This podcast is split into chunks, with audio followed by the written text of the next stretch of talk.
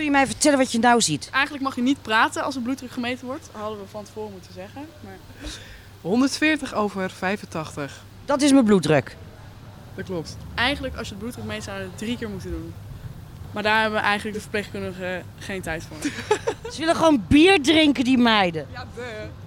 Hartslag meten. Is de bloeddruk wel in orde? En hoe funest is kantoorwerk voor je houding? Deze week dompelen we ons onder in de wonderenwereld van de gezondheidsstudent. H van.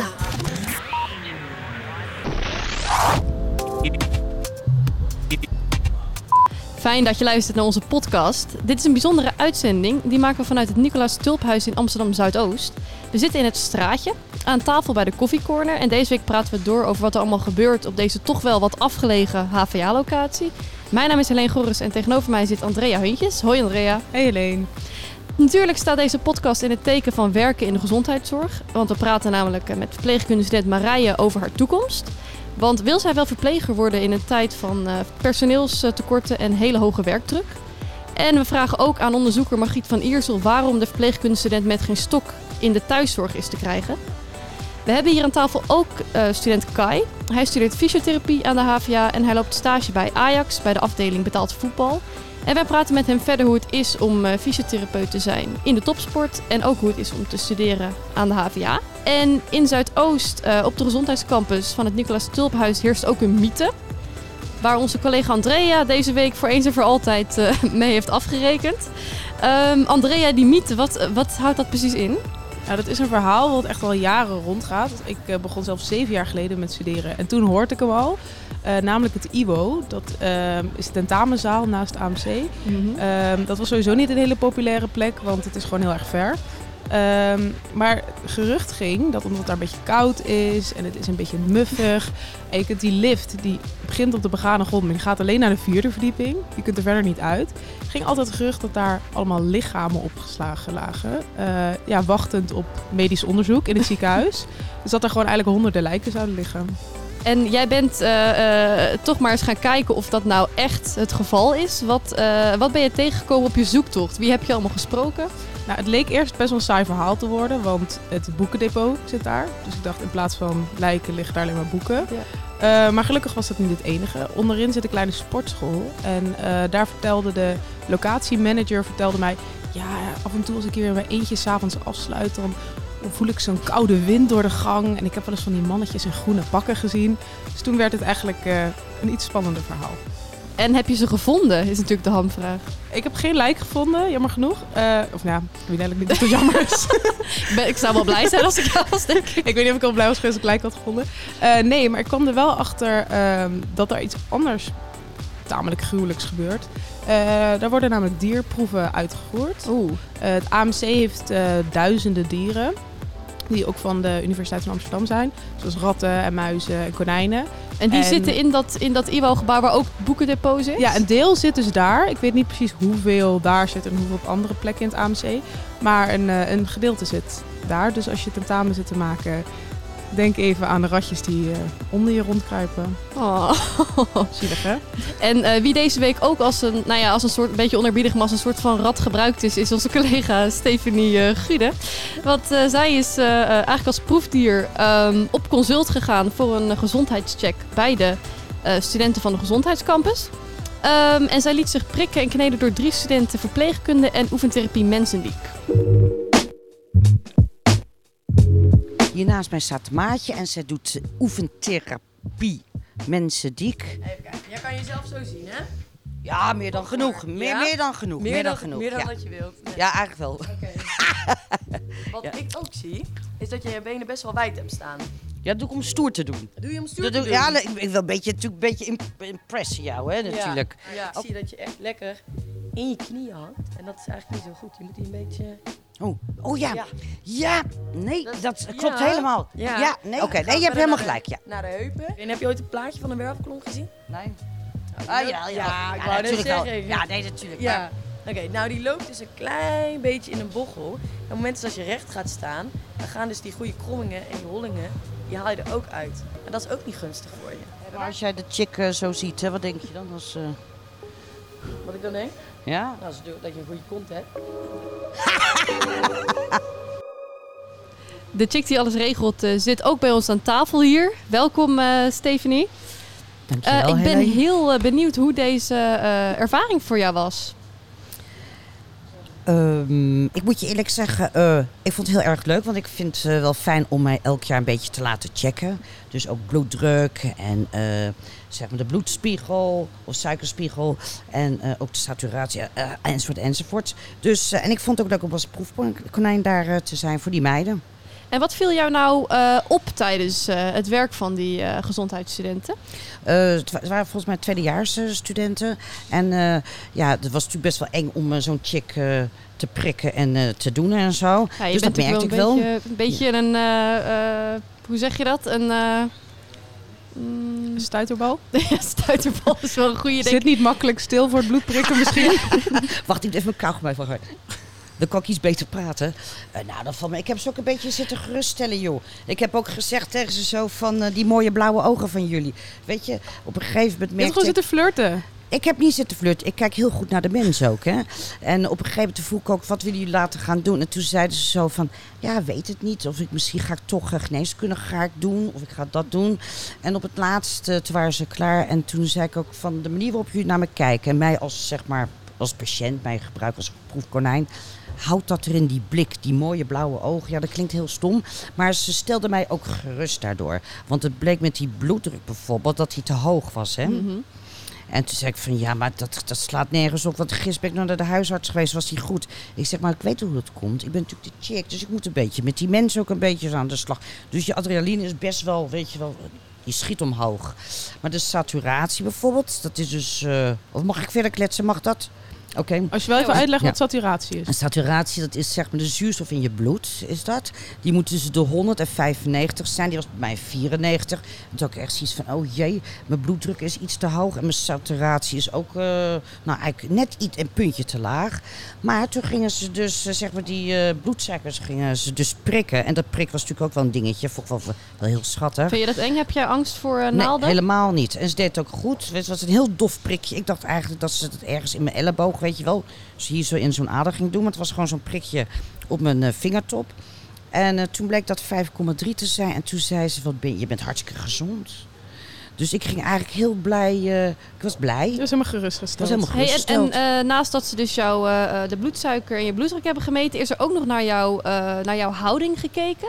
Ja. Hoe, hoe stond je erbij? Nou, ik moet je eerlijk zeggen, ik dacht eigenlijk uh, dat, ik, uh, dat ik behandeld werd ook uh, omdat ik overal pijn heb een beetje zo. Dus ik denk, ik word lekker gemasseerd. Of ik word behandeld. En toen bleek want dus... je, je, je zegt nu uh, behandeld, want Mhm. het, het woord massage dat ligt een beetje gevoelig, uh, hebben wij uh, gemerkt. Dat heb ik begrepen. Terwijl bijvoorbeeld in andere culturen, bijvoorbeeld je hebt uh, um, de pija, dat is dan zeg wat ze in Indonesië doen, of de Indo's hier ook zo. Dan ben je bij een feestje of zo. En dan zeg ik, ik heb een beetje pijn hier. En dan gaan ze gewoon lekker masseren. Dus het is geen massage met een happy end of iemand te pleasure. Nee, het is gewoon om iemand te helpen. Dus ook wat dieper ga je dan. En uh, echt, ik was laatst bij een. Uh, een en waarom, waarom vinden die studenten het dan zo, uh, zo vervelend om, nou, om, om het woord massage te horen? Of dat ze, dat ze jou zouden masseren? Ik denk dat het sowieso iets, mag ik het zeggen, van hoge hand iets is wat men vindt. Dat, dat het zeg maar. Het doet ze te veel denken aan andere praktijken. Misschien massagesalons in Loesje, weet ik veel wat. Dus een beetje, oké, okay, dus het is de beeldvorming die ze Het is een liever, beeldvorming, uh, terwijl dat voor mij zeg maar heel normaal is. Hè, ik moet straks ook naar de fysio zeggen, kunt u mij masseren of dat losmaken? En wat, uh, uh, wat ga jij nu meenemen in je, uh, in je dagelijks leven na, dit, na deze gezondheidscheck? Wat ga je nog iets veranderen? Nou, ik moet wel iets tot me houden. Ik moet sowieso moet ik even naar de fysio of mensen die ik toe gaan. Want ze heeft ook gekeken naar mijn ruggetje. Ik heb een beetje zo'n bocheltje. Hè? Mm -hmm. dus ik zit een beetje zo in mijn nekje een beetje. En nou, dat sowieso. En ze heeft ook gezegd, je moet met een flesje water, moet je een beetje zo.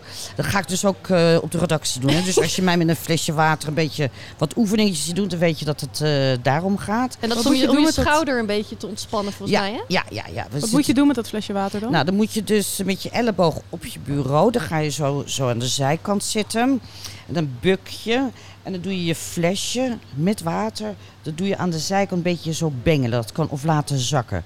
Ik vond het prettig om tussen ben, dat mag dan ook. Dus als je zo nu dan mij dat soort dingen ziet doen, dan weet je, met je chick gaat het verder gewoon helemaal goed. Nou, wil je nou de hele video eh, van de chick en haar gezondheidscheck eh, zien? Die kun je vinden op havana.nl of op onze social kanalen. En daar staat ook een video waarin studenten en medewerkers delen wat hen bezighoudt op de gezondheidscampus. En heb je als student nou ook een verhaal dat je met de rest van de HVA wil delen? Neem dan contact met ons op, want we willen graag met jou aan de slag om er een verhaal van te maken. Helene, was dit het? Ja, dat was het. Ik moest je even afkappen op een gegeven moment, want Ja, jezus. Dan moeten we dit stuk Je hoort de studenten van de HVA hier. Als jij door de security heen moet komen, waar zou je je Dat brug wil hij stoppen? doen. Eh, hoezo wil je zo graag horen? Ik ben bang als ik dat ga zeggen, dat, dat Nou, moet ik echt mond houden, tegen me geloof aanspannen. Echt letterlijk. Welk meisje waagt zich nou in de wereld van lege pizzadozen en Playstation-avonden met energy drinks? Ja, nou. Nou, wij. Wil je niets missen van het nieuws en de verhalen van de campus? Schrijf je dan in voor de nieuwsbrief op havana.nl.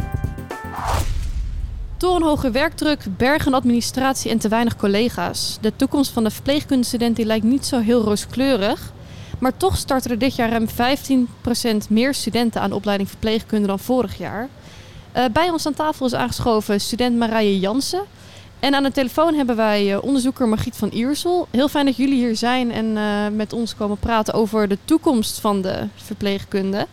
Ik begin even met Ja. jou, eh, ehm, Marije, want Ja. waarom heb jij gekozen voor dit vak? Ja, dat is een hele goede vraag. En eh, ik heb er niet een heel kort antwoord op.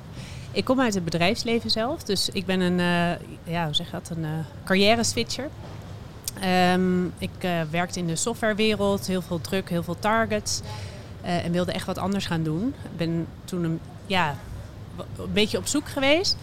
Ik heb toen vrijwilligerswerk gedaan in een vluchtelingenkamp op Lesbos. En daar zat een verpleegkundige in mijn team en die vertelde over haar werk. En toen dacht ik opeens, nou, dat ik daar eigenlijk nooit aan gedacht heb. Ik had best wel een negatief beeld, denk ik, over de zorg. Dat het echt, Wat, wat was jouw beeld van de zorg? ja, gewoon heel veel billen wassen. Dat idee een beetje. Dus ehm, ik vind ook de reclames die je soms ziet, de campagnes op televisie. ehm, ja, dat, dat gaat heel erg over het moet een roeping zijn en ehm, ja, dat je alleen maar iets goeds doet. Terwijl toen ik maar iets meer in ging verdiepen, dacht ik, nou, het is echt een behoorlijk interessante studie op zich. En echt een interessant vak. En daarbij doe je ook goede dingen. Maar het is echt meer dan voor mij in ieder geval eh, een soort van ehm, ja, goed doen voor de wereld of zoiets. Jij werkt zelf op dit moment al eh, als verpleger in een ziekenhuis in Amsterdam. Ja, klopt. Ik, eh, ik ben in dienst van het OLVG, dus zij maken eigenlijk deze opleiding mogelijk. Het is een vierjarige opleiding waarbij je al wat betaald krijgt. Eh, het eerste jaar is een leerwerkovereenkomst en daarna ben je drie jaar gewoon in dienst. En dat betekent dat je eigenlijk binnen het ziekenhuis of binnen de twee ziekenhuizen op dit moment meerdere afdelingen werkzaam bent.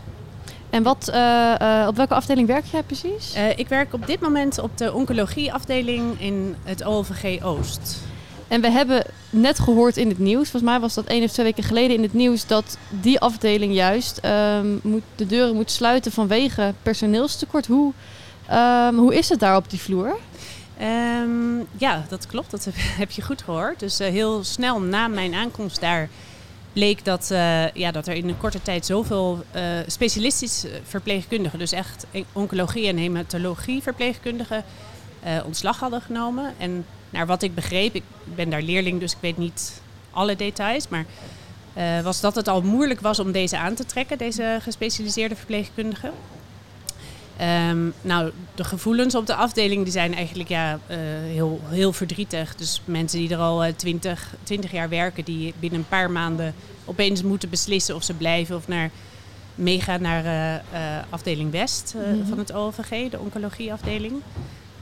Dus het is ja, ook patiënten die er al jaren komen, die zijn ook verdrietig. Het, is, het heeft een goede reputatie, dus het is echt ontzettend zonde dat het niet, ja, het rooster niet meer rondkwam, zeg maar. En heb jij ook de afgelopen tijd ehm, in je dagelijkse werk daar eh, gemerkt dat er weinig mensen eh, waren, weinig collega's? Ja, dat merk je zeker wel. Dus gewoon, eh, eigenlijk is het continu wel een.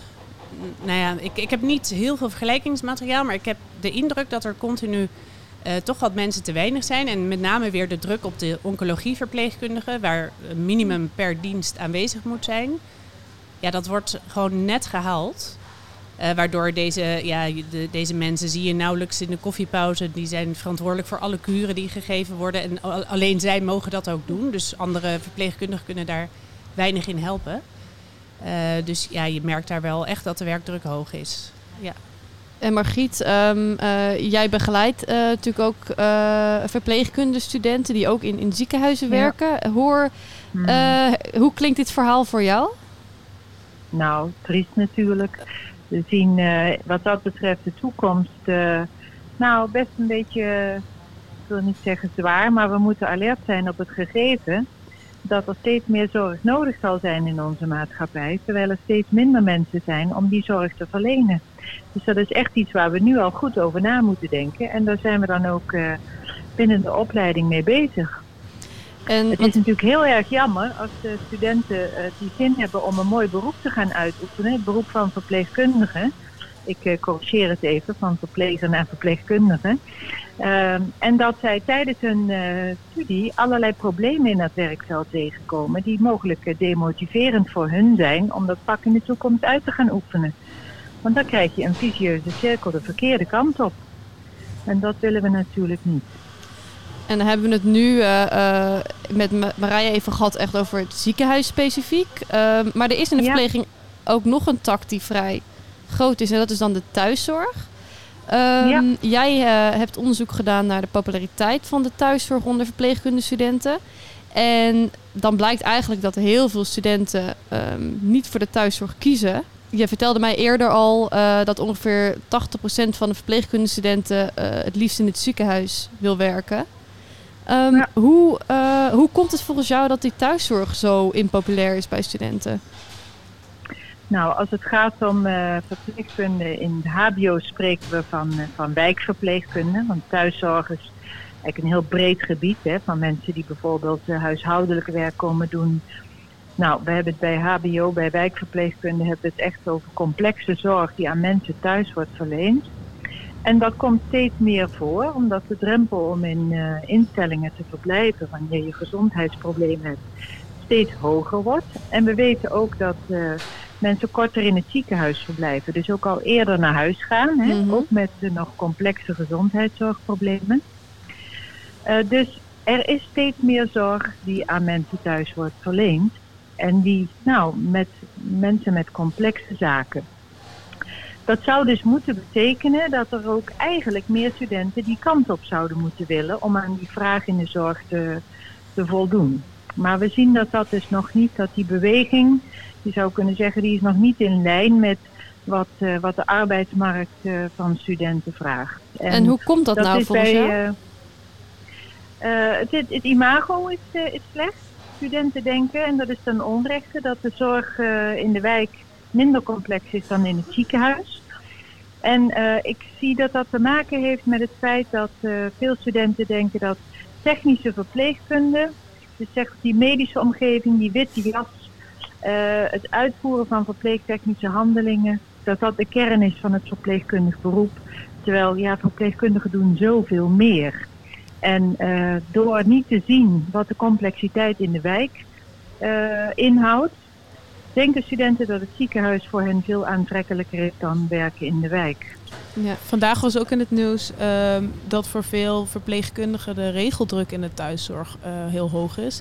Dat ehm, verpleegkundigen eigenlijk constant moeten registreren wat ze aan het doen zijn en dat dat gewoon ontzettend veel tijd kost. Dus dat is natuurlijk ook alweer een probleem eh, binnen die thuiszorg die het weer heel lastig maakt voor studenten. Klopt Helene, en dat is natuurlijk ook als je leest dat het een half uur per dag kost voor een wijkverpleegkundige, iets wat heel snel moet verdwijnen. Gelukkig is de minister daar ook van doordrongen en gaat er snel actie op komen. Nou hebben we dat al eerder gehoord, dus laten we hopen dat het nu ook, eh, ook echt gaat gebeuren. En als het erom gaat, ehm, wat, ehm, eh, wat net gezegd werd, ja, studenten vinden het vast heel leuk om die autonomie en die zelfstandigheid in die wijk te ervaren. Dat is inderdaad een, eh, een belangrijk punt, want we zien eh, in mijn onderzoek dat studenten die een bijbaan in de wijk hebben of hebben gehad, inderdaad positiever kijken naar dat werkveld. Dus je moet ook een beetje ontdekken wat het allemaal te bieden heeft. En je moet dan vooral denken aan dat je bij allerlei mensen op de deurbel drukt en in, in verschillende situaties zorg verleent.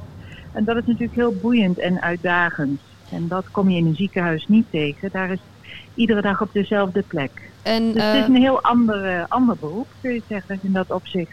En de HVA die heeft ook uh, um, ja, geprobeerd om uh, meer studenten ook warm te maken voor die, uh, um, voor die thuiszorg. Kun jij vertellen hoe, hoe de, de HVA dat in het, ja, in het lespakket, in het curriculum heeft verwerkt? We hebben eigenlijk drie, drie belangrijke dingen gedaan. Op de eerste plaats hebben we gekeken naar wat hebben wij voor docenten. Je ziet vaak dat docenten het liefst overbrengen waar ze zelf hebben gewerkt, omdat ze daar enthousiast over zijn. Dus we hebben gezorgd dat er meer docenten kwamen met de geschiedenis in de wijk, met kennis over de wijk. Ook wijkverpleegkundigen die um, recht uit de praktijk in de klas kwamen lesgeven, dus met actuele patiëntcasuïstiek. En um, we hebben in die zin dus goed nagedacht over wat zijn nou goede rolmodellen voor studenten. Dat is de eerste. Tweede is, we weten uit onderzoek dat stages voor studenten een hele belangrijke factor zijn. De, uh, de beroepspraktijk, daar zie je wat er echt uh, gebeurt. Dus moet je zoveel mogelijk werken aan dat studenten een stage in de wijk ook als een positieve ervaring meemaken. Nou, daarvoor moet je samenwerken met thuiszorginstellingen. En we hebben er dus aan gewerkt om te waarborgen dat studenten ook inderdaad door een HBO-verpleegkundige begeleid worden in de praktijk, zodat ze goed kunnen zien wat er allemaal te beleven is. En dan hebben we op de derde plaats nieuwe elementen in het onderwijs ingevoegd die te maken hebben met zorg buiten instellingen. Om een paar dingen te noemen, uh, het belangrijkste onderwerp, en dat is overigens ook een landelijke trend hoor, is uh, meer uh, aandacht voor zelfmanagement van mensen en hoe je dat als verpleegkundige kunt bevorderen. En veel samenwerken met de mensen om de patiënt heen in die thuissituatie. Hoe, hoe kunnen naasten, noemen we het dan graag, bijdragen aan de gezondheid in samenwerking met de patiënt. Dus dat zijn dingen die er veel meer in zitten. Heeft het ook effect gehad? Ja, we hebben uh, gezien dat uh, de groep studenten die van 2014 tot 2018 met dat nieuwe onderwijs te maken heeft gehad, geen positiever beeld heeft van wijkverpleegkunde dan de studenten daarvoor. Dus dat is natuurlijk een teleurstellende uitkomst. Ik vertelde je al dat we wel gezien hebben dat een bijbaan in de wijk dus effectief is. Ja. En uh, we weten ook uit onderzoek dat iets oudere studenten, zoals ook duaalstudenten, mogelijk wat makkelijker voor die wijk kiezen. En we zijn om die reden nu ook met een duaalopleiding speciaal voor, wijk, uh, ja. voor de wijkzorg ik, ik, kijk ook even naar, uh, naar Marije, uh, want jij bent zo'n iets oudere student, ja. om het maar even zo te zeggen. Heel netjes. Zou jij over, overwegen om, om in de thuiszorg te gaan werken? Uh, Jazeker, ja. Uh, ik heb een uh, kleine dochter en nog eentje op komst. Dan kan ik mij voorstellen dat uiteindelijk de onregelmatigheid in, de, in het ziekenhuis gewoon ten koste gaat van, van mijn gezinsleven. Ja. En dat zou voor mij echt een, een keuze zijn, of een overweging zijn om de thuiszorg te kiezen.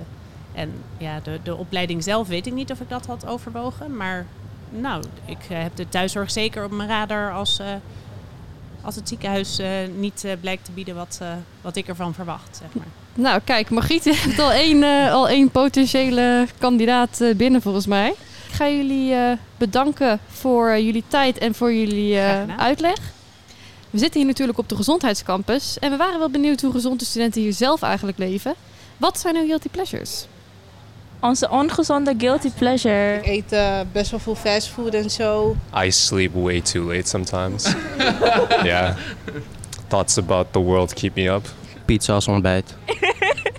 Sometimes chocolate, I guess. Yeah. I don't know. ja, ik moest zeggen, ik werd vanochtend wel uh, met een katertje wakker. Gisteren voetbal. Dan moet je vandaag weer naar school.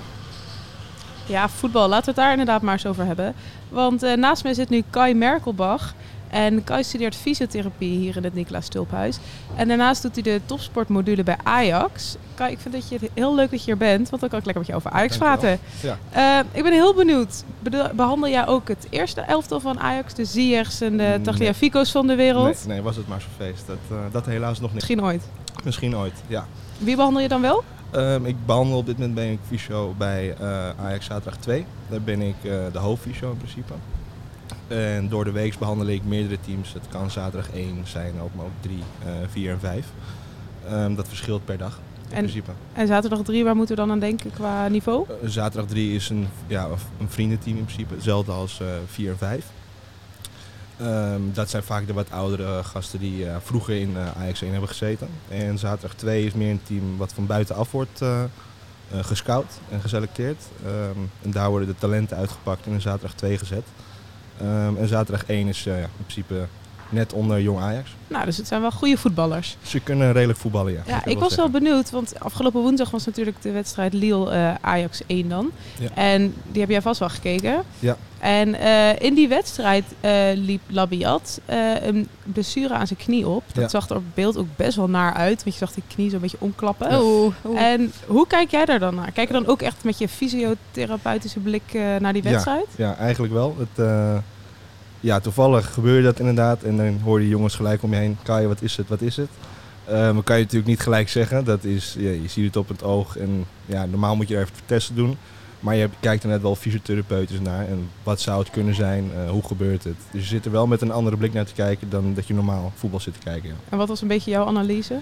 Ik zat te denken aan de binnenste kniebanden. Maar ja, dat is natuurlijk, wat ik als net al zei, eh, met blote oog. Oké, eh, en waar moeten we dan aan denken? Hoe lang ben je dan uit de running? Ja, dat ligt er ook aan. Je hebt zoveel verschillende graden in of hij afgescheurd is, ingescheurd, verrekt. Ehm, dus dat, ja, daar durf ik echt ook helemaal geen uitspraak over te doen. Anders dan, eh, krijg ik ijs op mijn dak. Dan heb ik Ja, dat kan me voorstellen. Niks, geen eh, voortijdige Nee. beslissing Nee. maken. Conclusies. En wat zijn nou, want we hebben het nu over de, eh, de kniebanden. Wat zijn nou typische voetbalblessures die jij tegenkomt? Ehm, nou ja, een enkel die dubbel gaat, zie je heel veel. Eh, maar ook eh, kruisbanden zie je ook regelmatig terugkomen. Eh, dit seizoen gelukkig nog niet, maar ehm, het komt wel regelmatig voor ook. Eh, maar ook spierblessures, eh, ijzerbeentjes. ehm, Wat is een ijzerbeentje? Het is een, ehm, tijdens het redden dat je dan een knietje tegen je dijbeen aan krijgt, om het zo plat te zeggen. En dan eh, loop je zo'n kneuzing van je spier op. En dan kan je zo eh, twee weken niet voetballen. Oh, klinkt pijnlijk. Ja. En toch even als je dan naar zo'n voetbalwedstrijd kijkt. Kun je nog gewoon naar een voetbalwedstrijd kijken en je druk maken om de score? Of ben je alleen maar aan het denken, oh shit, ik moet die eh, speler straks even flink aan zijn knieën zitten? Nee, nee, nee, nee. Ik eh, zit wel echt op de bank, wel met spanning inderdaad. Ehm, tenminste, als het een spannende wedstrijd is. Zit je toch ook wel natuurlijk naar de scores te kijken. Dat, eh, het is toch ja, een soort van je team. Je ziet het toch echt, eh, ja, je bent toch staffer van. Dus je wilt gewoon net zo goed presteren. En die Ehm, behandelingen, doe je dat dan na de wedstrijd? Of ga- ben jij diegene die met zo'n koffertje het veld oprent? Ja, daar ben ik ook. Oh, ik ben in principe leuk. de hele medische staf die is, eh, echt in het team is, ben ik. Ehm, dus voor de wedstrijd moet ik de jongens behandelen, eh, masseren, tapen, noem het maar op. Maar ook tijdens de wedstrijd ben ik degene die met het koffertje het veld oprent en in de rust eh, behandelt en nabehandelt ook na de wedstrijd. Dus eh, ik ben in principe alles. Je bent multi-inzetbaar. Ja, zeker. En voel jij nou ook heel veel druk? Want natuurlijk voor sporters is hun lichaam zo belangrijk. Ja. Voel je dan veel druk van, ook moeten we echt het goed doen? Want anders is iemand gewoon eh, weken eruit. Ja, nee, tuurlijk, dat heb je wel. Eh, helemaal, maar het, eh, ja, bij Ajax wordt gewoon heel simpel gezegd. We, nemen, we gaan alleen mee- om eh, met de beste in principe. Dus eh, je moet de beste zijn. Eh, ben je niet de beste, dan krijg je dat eh, gewoon te horen. Dat je het fout hebt gedaan of niet goed doet. En dan moet je dat gaan aanpassen. En ja, als je het fout blijft presteren, dan zeggen ze halfweg het seizoen... eh, gaan ze toch misschien toch kijken naar anderen. Dan moet je het wel heel bond maken om dat te laten gebeuren. Maar er zit toch wel een soort van druk bij je. Ja. En heb jij dat wel eens eh, gehad, zo- zo'n kritiekpunt van nou, dit had wel beter gekund? Nog niet, af, afkloppen. Maar tot nu toe zijn ze zeer tevreden en word ik eh, nog steeds gewoon voor dingen extra gevraagd om te doen. En ehm, dat is heel leuk. En ik heb binnenkort mijn eerste functioneringsgesprek, dus dat is even afwachten. Oh, spannend. Ja. En wil je altijd al bij Ajax werken? Was dat al een beetje een eh, droom? Mm, nou ja, je weet, je weet niet of het mogelijk is. Het zit wel in je achterhoofd. Eh, ik ben altijd al fan van Ajax geweest natuurlijk. En het lijkt je, tenminste, mij leek het altijd wel leuk om bij de meeste staf van Ajax te zitten. Ehm, en dan ja, hoor je toch weer achter dat het misschien mogelijk is. Nou, dan ga je toch wat meer denken. En uiteindelijk eh, ga je er hard voor werken. En dan, eh, ja, dan overkomt het je, zeg maar. En dan word je gekozen en dan ben je wel heel blij, kan ik je vertellen. Ik kan me voorstellen, een soort jongensdroom met voetballen, maar dan eh, aan de andere kant. Ja, aan de nee, medische zeker. kant. Ja. Hey, ehm, ik wil toch nog even terug naar Ajax 1, want daar, ja, daar ben ik gewoon in geïnteresseerd. Ehm, want een andere blessure bij Ajax 1 is namelijk David Neres. Die Ja. is nu geblesseerd, waarschijnlijk tot aan minstens aan de kerstvakantie. Kun jij met jouw ehm, fysiotherapeutische blik iets zeggen over, over hoe lang hij eh, er nog niet is? Nou in principe mag ik niet alles bespreken. Oh, je hebt eh, het beroepsgeheim. Oh, in principe spannend. wel. Nou, in principe mag ik niet alles eh, verkondigen over spelers. ehm, waarvan ik niet helemaal in verdiept heb. En sowieso mag dat natuurlijk niet. Eh, maar wat ik begreep was het iets aan zijn meniscus was. Ehm, duidelijk voor mij is het eigenlijk niet. Want ja, het kan heel veel dingen zijn. Ehm, dus daar, ja, daar zou ik niet, an- geen antwoord op kunnen geven. Maar wat er gezegd werd, is dat hij na de winterstop gewoon eh, weer kan, aan de training kan verschijnen. Nou, dat zou heel fijn zijn. En hoe zit het met jou eigenlijk? Ga jij mee naar bijvoorbeeld toernooien of ehm, ga je mee naar het buitenland wel eens? Ik eh, heb de tweede week van januari moeten we naar Barcelona met mijn team. Dus eh, ja, dat eh, kan ook voorkomen. Eh, bij de zaterdagteams zie je dat wat minder vaak. Ehm, dit is echt een trainingskamp. Maar bij de jeugd eh, eh, zie je wel vaker dat je toernooien in, eh, in Zwitserland hebt of eh, noem maar op. En dan ga je lekker mee naar Barcelona. Ja, ja dus het is eh, niet verkeerd. En moet je dan ook de hele dag werken of kun je ook nog even naar het strand? Nee, die jongens gaan ook gewoon het strand. Eh, het is niet, Oh, je gaat drie- allen naar het Ja, precies. Het is geen, eh, niet drie keer per dag trainen, gelukkig. Het is eh, volgens mij één keer per dag trainen in een wedstrijd. En soms twee keer trainen. Maar daartussen heb je gewoon in principe vrije tijd. En in de avond ook. Genoeg tijd om iets leuks te doen. Zeker. Hey, onze collega Suzanne, die heb je net al even gezien, die ging op reportage bij fysiotherapie bij de ehm, opleiding Ajax. En die zei dat het heel gezellig was daar, omdat iedereen in zijn onderbroek rondliep. Nou, daar, dat heb ik nog niet gezien. Heb je dat nog niet gezien? Nog, nog niet gezien. Ehm, maar daar ben, ja, ben ik wel heel benieuwd naar. Dat, Ja, het eh, scheen dat iedereen in zijn onderbroek rondliep, zodat je ieder moment eh, iemand kon behandelen. Om op elkaar Oh. te oefenen, zou ik maar zeggen. Oh nee, ja.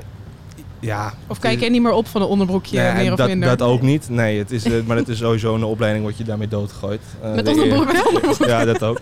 Nee, de eerste les dat je er staat, eh slaat je kleren uit. En dat is bij Ajax in principe gewoon, ja, kijk je daar niet eens meer van op. eh. Je bent er wat er- gewend. Ja, je gaat er naar binnen en eh, je moet gewoon dingen gaan doen. En eh, ja, dan is het gewoon eh, of steempjes schuiven wie ze in zijn onderbroek gaat staan. Maar meestal gaat het gewoon van, oh nou, ik ga wel zitten. Of doe jij het maar. Ja, precies. Nou, dat klinkt heel gezellig. Ja. Hey, volgens mij heb je best wel naar je zin bij Ajax. Maar Zeker. wat is jouw droombaan? Zou je denken, ik wil die voeten van Ronaldo gaan masseren bij Barcelona? Of... Oh, die zitten bij, niet bij Barlo- Nee, Barcelona, zit bij Barcelona. Juventus. Juventus nu, hè, ja. Ja. Ik hoop dat mijn vriend niet luistert nu. Bij Juventus of bij Barcelona. Nee, ja, het lijkt mij heel gaaf om in de Premier League te werken. Dat Dus is in Engeland, kleine, ja. ja. is wel een kleine droom om eh, daar medische staf, een volwaardig medische staf te zijn. Heb je dan een voorkeur voor een club? Nee. Nee, wel, ja, wel een van de topclubs natuurlijk. Dus Chelsea, eh, Manchester City, eh, noem het maar op. Eh, Ja. Dat lijkt me wel heel gaaf eh, om te doen Ja, uiteindelijk. dat klinkt top. Nou, Kai, super bedankt eh, dat Ja, je hier bij ons aan wilde schuiven. Geen probleem. En volgende week zijn we er weer met een nieuwe podcast. En wil je nou niets missen in de tussentijd van die podcast, dan kun je op onze vernieuwde site terecht. Waar je, maar je kunt je ook abonneren in de favoriete podcast-app. Dan krijg je hem elke week in je overzicht. En verder houden we je dagelijks op de hoogte van alle andere verhalen over jouw opleiding. En dat doen we kort, duidelijk en snel op Instagram, Facebook en Twitter. Wil je nou meer? Dan ga je natuurlijk naar onze website havana.nl. En daar kun je je dan weer inschrijven voor de nieuwsbrief. En dan heb je aan het begin van elke week ook nog eens een overzicht van de mooiste verhalen van de week. Bedankt voor het luisteren en tot volgende week. Geen enkele podcast meer missen? Check dan Havana in je favoriete podcast-app.